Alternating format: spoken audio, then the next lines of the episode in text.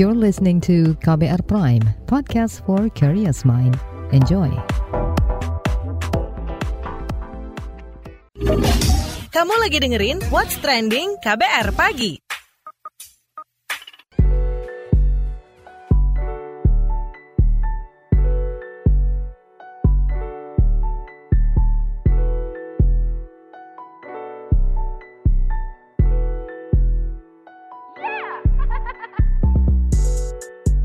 KBR Pagi, siaran pagi radio paling update. Selamat pagi, apa kabar Anda hari ini di hari Senin 12 September 2022? Kembali lagi saya Don Brady menjadi teman pagi hari Anda semuanya di What's Trending KBR Pagi. Tarif ojol yang resmi naik. Nah, itu yang kita obrolin nih pagi ini. Jadi belakangan masyarakat diramaikan dengan kenaikan tarif ojek online atau ojol yang berlaku pada 11 September 2022 kemarin.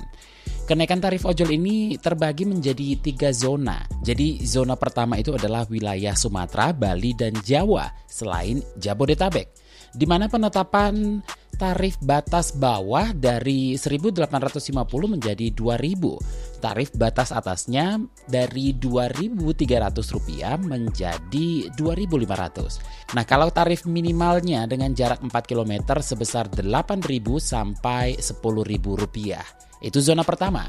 Kalau zona keduanya adalah Jakarta, Bogor, Depok, Tangerang, dan Bekasi atau Jabodetabek dengan tarif batas bawah menjadi Rp2.550, sedangkan tarif batas atasnya menjadi Rp2.800 dan tarif minimalnya dengan jarak 4 km menjadi Rp10.200 sampai Rp11.200. Nah, di zona ketiga yaitu Kalimantan, Sulawesi, Nusa Tenggara, Maluku, dan Papua. Tarif batas atasnya Rp2.750, tarif batas bawahnya Rp2.300 dan tarif minimalnya sebesar Rp9.200 sampai Rp11.000. Menurut Ketua Bidang Advokasi dan Kemasyarakatan Masyarakat Transportasi Indonesia, MTI Pusat, Joko Setiowarno, kenaikan tarif ojol ini justru akan meningkatkan migrasi masyarakat ke moda transportasi lainnya dan berdampak pada penurunan daya beli masyarakat. Joko menyarankan pemerintah menurunkan biaya sewa aplikasi dari 20% menjadi 10%. Bahkan Joko menyarankan pemerintah membuat aplikasi sendiri yang dikelola pemerintah daerah, di mana pemerintah menyediakan layanan ojek daring dengan fee maksimal 10% agar meringankan beban driver dan konsumen. Sebelum kita bahas lebih lanjut soal ini, yuk kita dengarkan terlebih dahulu komentar warganet plus 62 berikut ini.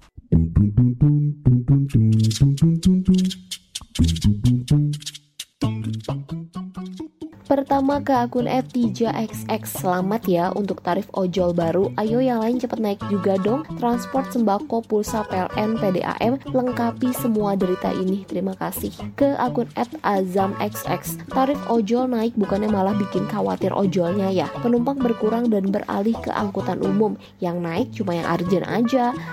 @ferryxx kalau BBM subsidi dinikmati yang mempunyai mobil wajar aja usul pajak mobil di atas 1200 cc perlu dinaikkan. Akun @akazaxx bisa nggak angkutan umum disubsidi misal jadi tarif angkot bis kereta gratis tis tis tis. Mungkin cara itu tepat sasaran and lebih berguna. Ke akun @tolexx gaji naik, akun @bjxx lagi mau nafas lepas dari pandemi nggak bisa naikin gaji karena omset belum normal bahan produksi udah ganti harga belum biaya produk lainnya. Terakhir akun at AliExx harga naik dan turun itu keniscayaan bang. Nggak usah bingung nanti juga cari keseimbangan sendiri.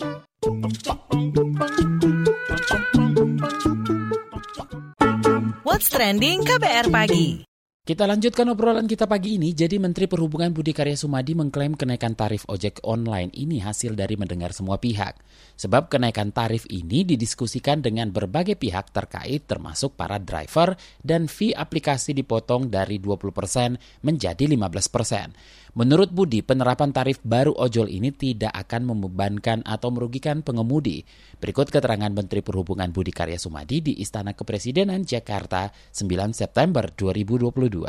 Jadi gini, kan kita ini kan sudah mendengarkan semua pihak. E, dibuktikan kita memundurkan dua kali gitu ya. E, tentu hal-hal ini kita dengarkan semuanya. Tidak mungkin kita memberikan suatu menyenangkan semua pihak pasti ada yang beda-beda Tapi kalau dilihat dari apa yang kita lakukan skala, sekali ini sangat konservatif. Naiknya juga antara 8 sampai 13 persen ya.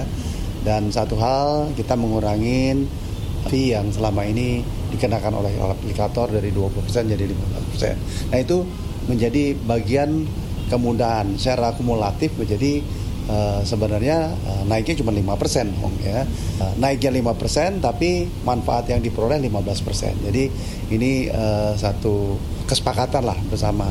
Tidak ada voting tetapi kita mendengarkan semua pihak. Uh, insya Allah ini uh, baik. Dari beberapa uh, sampling yang kita dengarkan kepada pengguna dan juga pengendara, mereka rata-rata puas dengan kondisi ini. Nah, sementara itu Ketua Pengurus Harian Yayasan Lembaga Konsumen Indonesia, Tulus Abadi, menilai kenaikan harga tarif ojek online menambah beban pengeluaran konsumen di tanah air. Biaya transportasi yang semakin besar merupakan dampak paling dirasakan masyarakat. Pasca kenaikan harga bahan bakar minyak bersubsidi. Menurut Tulus, pada 2019 saja konsumen sudah merasa tarif ojek online mahal. Kenaikan ini kata Tulus akan memicu tren meninggalkan transportasi ojek online dan berpindah menggunakan kendaraan pribadi seperti motor. Ini dia penjelasan Tulus kepada KBR. Pertama, tarif ojek itu sebenarnya sejak 2019 sekalipun itu sudah dirasa mahal oleh konsumen. Dan itu secara empirik akan berdampak pada dua hal. Pertama, ojol justru akan ditinggalkan oleh konsumennya. Konsumen akan berpindah menggunakan sepeda motor pribadi yang pasti lebih murah. Dan kedua, akan berpindah ke angkutan umum asal yang ada ataupun angkutan umum lainnya atau juga berpindah ke mobil. Itu yang pernah dilakukan beberapa kali survei oleh Kementerian Perhubungan dan juga cetak pendapat secara keseluruhan yang dilakukan oleh YLKI.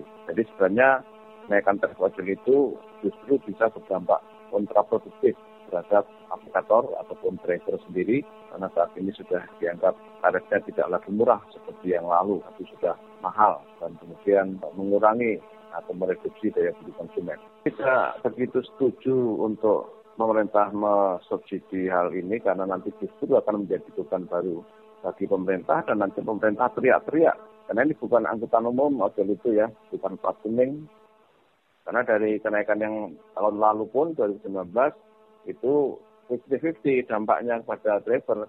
Artinya ada driver yang mengatakan pendapatannya bertambah dan separuh lagi driver mengatakan pendapatannya tidak bertambah. Yang bertambah aplikator. Ya, jadi itu yang saya kira saya tidak setuju kalau pemerintah sok jago memberikan subsidi-subsidian pada ojol karena itu bukan angkutan umum dan nanti akan menimbulkan masalah baru itu kan tarif artinya berdasarkan zonasi ya.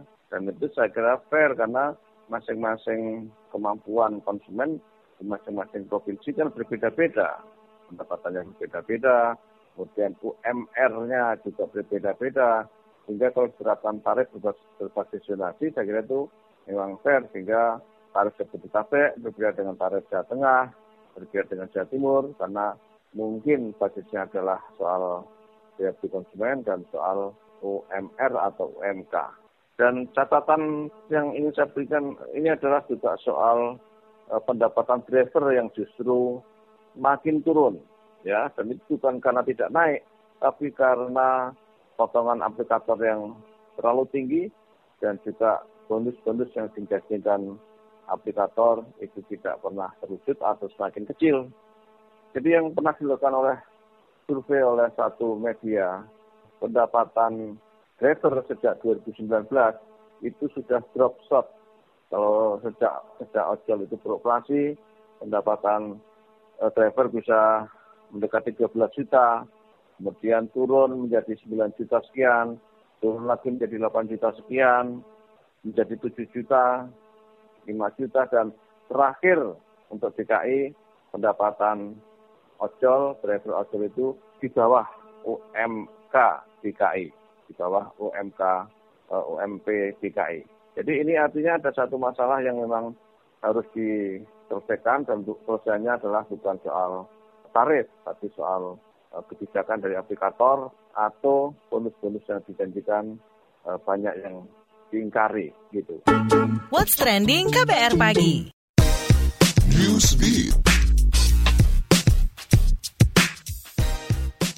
Ratu Elizabeth II akan dimakamkan pada 19 September 2022 pukul 11 waktu setempat di Westminster Abbey, London. Informasi pemakaman Ratu Elizabeth II ini dikeluarkan oleh Istana Buckingham. Rencananya Ratu Elizabeth akan ditempatkan di wilayah pemakaman selama empat hari untuk memberikan ruang kepada publik memberikan penghormatan. Ratu Elizabeth II meninggal di usia 96 tahun pada 8 September 2022 lalu. Setelah meninggal sang ratu, Pangeran Charles resmi menjadi Raja Charles ketiga pada 10 September 2022. Charles menjadi raja tertua di Inggris yang naik tahta pada usia 73 tahun. Untuk pertama kalinya juga proklamasi Raja Inggris disiarkan secara langsung.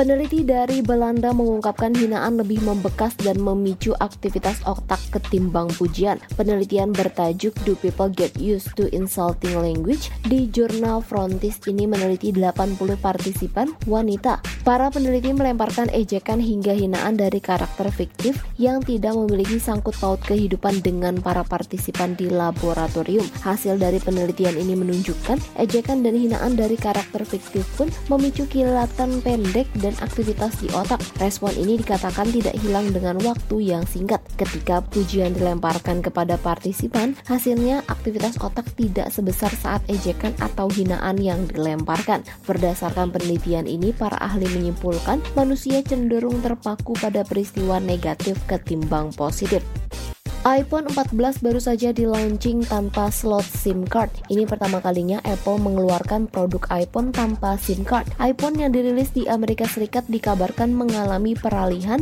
dari penggunaan SIM card menjadi penggunaan eSIM. eSIM adalah SIM card elektronik yang tertanam di dalam iPhone. eSIM ini diklaim pihak Apple bakal memudahkan penggunaan untuk mengaktifkan paket data baik pemakaian di dalam ataupun di luar negeri. Sistem transfer atau mendapat mendapatkan datanya pun dilakukan secara digital dan diklaim membuat perangkat iPhone jauh lebih aman dengan eSIM.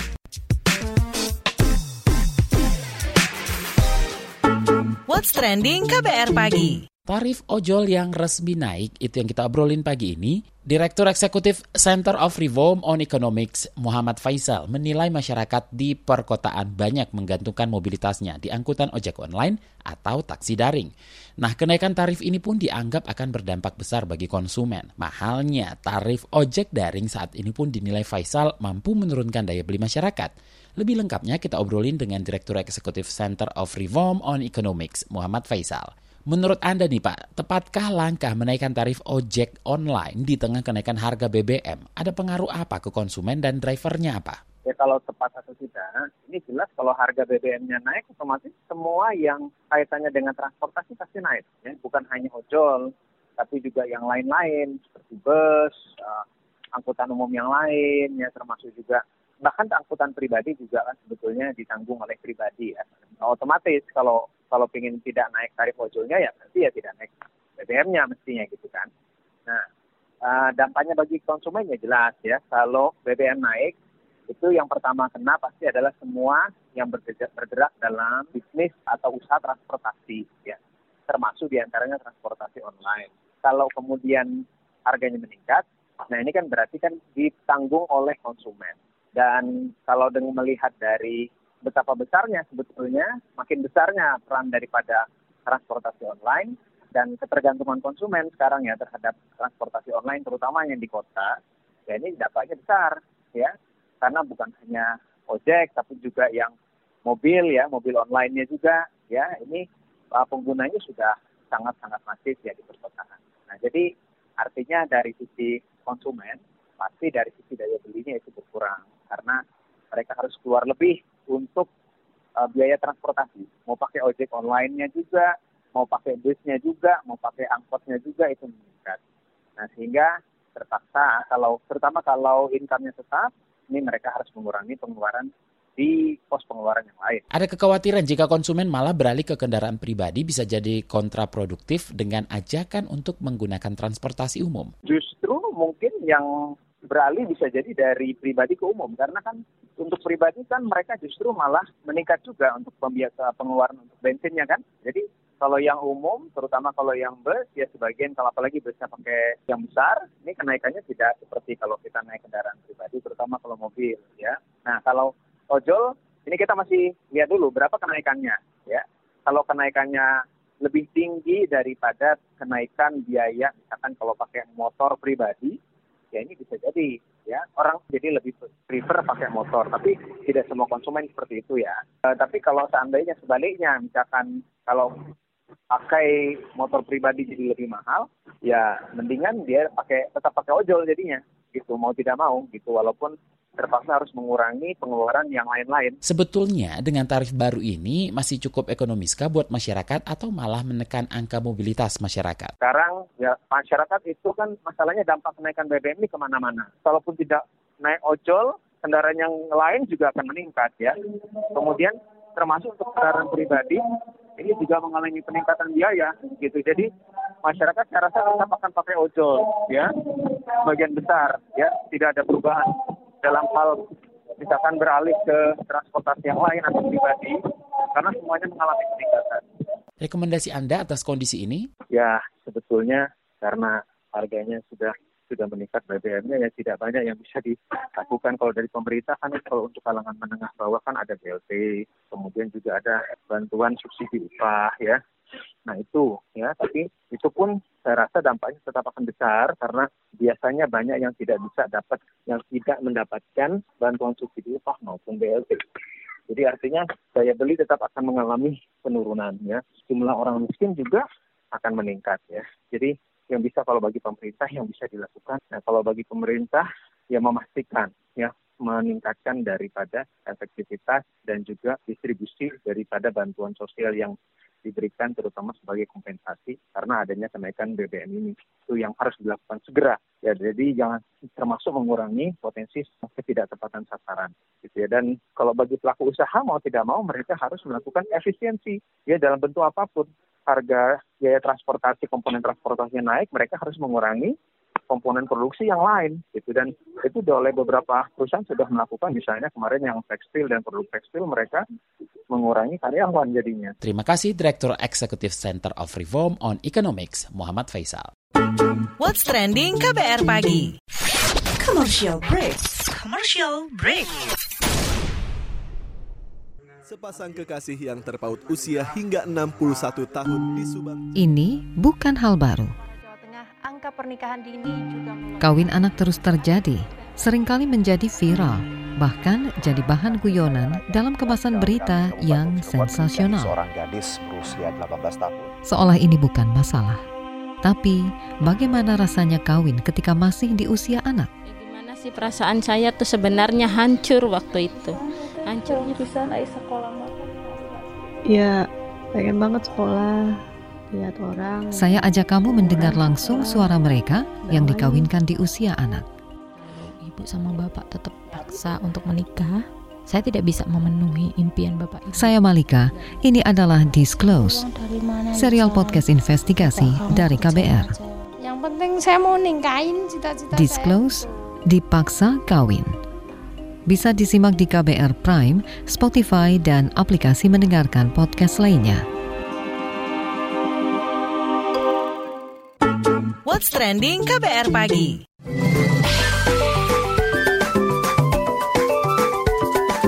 WhatsApp Indonesia.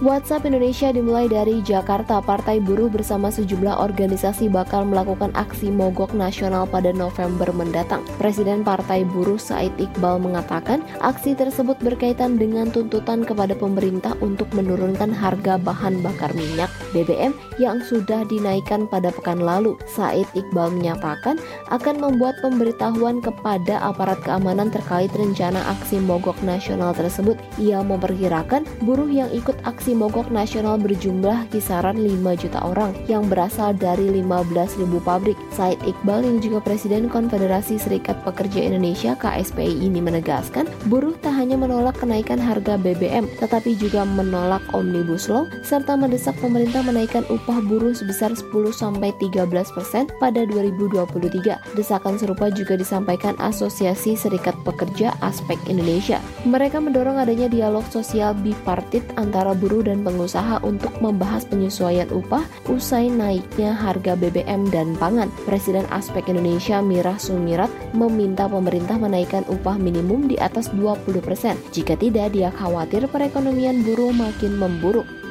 Masih dari Jakarta, skor Travel and Tourism Development Index Indonesia meningkat dari nilai 4,2 menjadi 4,4. Menteri Koordinator Bidang Kemaritiman dan Investasi Luhut Binsar Panjaitan mengatakan, kenaikan nilai itu membuat ranking Indonesia terkerek dari posisi 44 ke 32. Hal itu juga merupakan pertama kalinya ranking Indonesia berada di atas Thailand dan Malaysia. Ia berharap posisi ini dapat meyakinkan para investor menanamkan modalnya. Luhut menambahkan capaian itu tidak luput dari perhatian Presiden Joko Widodo terhadap perkembangan lima destinasi wisata super prioritas lebih besar. Menurutnya, pengembangan lima destinasi tersebut merupakan salah satu program strategis nasional sehingga pembangunan infrastruktur dan fasilitas diprioritaskan. Pemerintah, kata Luhut, akan mengoptimalkan pembangunan sektor pariwisata dari sisi aksesibilitas, amenitas, dan atraksi. Ia memastikan sumber dana pengembangan sektor itu tidak hanya mengandalkan anggaran pendapatan dan belanja negara maupun daerah atau APBN dan APBD, tetapi juga investasi dalam negeri maupun asing terakhir mampir Yogyakarta. Festival Kebudayaan Yogyakarta FKY yang menjadi agenda tahunan Dinas Kebudayaan DIY kembali digelar mulai hari ini hingga 25 September mendatang. Tahun ini tema besar yang diambil dalam kegiatan tersebut adalah mengelola air dan tanah. Kepala Dinas Kebudayaan Kunda Budaya DIY Dian Laksmi Pratiwi mengatakan tema besar tersebut sengaja diambil karena air dan tanah merupakan dua unsur penting dalam kehidupan makhluk hidup hidup. Terlebih saat ini isu air dan tanah menjadi isu nasional yang penting untuk dikaji lebih dalam melalui praktik kebudayaan di DIY. Dian menambahkan pada tahun ini FKY 2022 juga dilaksanakan di wilayah Gunung Kidul dan Kulon Progo. Sebab menurut peta subjek budaya FKY tahun 2021 lalu, kedua kawasan itu kurang tercatat keterlibatannya meski berpotensi besar dan memiliki budaya yang mengelola air dan tanah. Tahun ini FKY 2022 tidak dilaksanakan secara sentral di kawasan kota Yogyakarta saja, namun tersebar di beberapa wilayah seperti Kabupaten Kulon Progo, Kabupaten Gunung Kidul, dan kota Yogyakarta. Selain melibatkan warga masyarakat DIY, FKY tahun ini juga melibatkan masyarakat di luar wilayah, yakni Kalimantan Timur, Kalimantan Barat, Bangka Belitung, Lampung Selatan, dan Jemberana Bali yang akan menyuguhkan musik dan tarian khas daerah mereka. Demikian WhatsApp Indonesia hari ini. Demikian KBR pagi hari ini. Jika Anda tertinggal siaran ini, Anda kembali bisa menyimaknya di podcast What's Trending yang ada di Spotify, kbrprime.id, dan di aplikasi mendengarkan podcast lainnya. Don't Brady undur diri besok kita ketemu lagi. Stay safe. Bye-bye. Terima kasih ya sudah dengerin What's Trending KBR Pagi. KBR Prime, cara asik mendengar berita. KBR Prime, podcast for curious mind.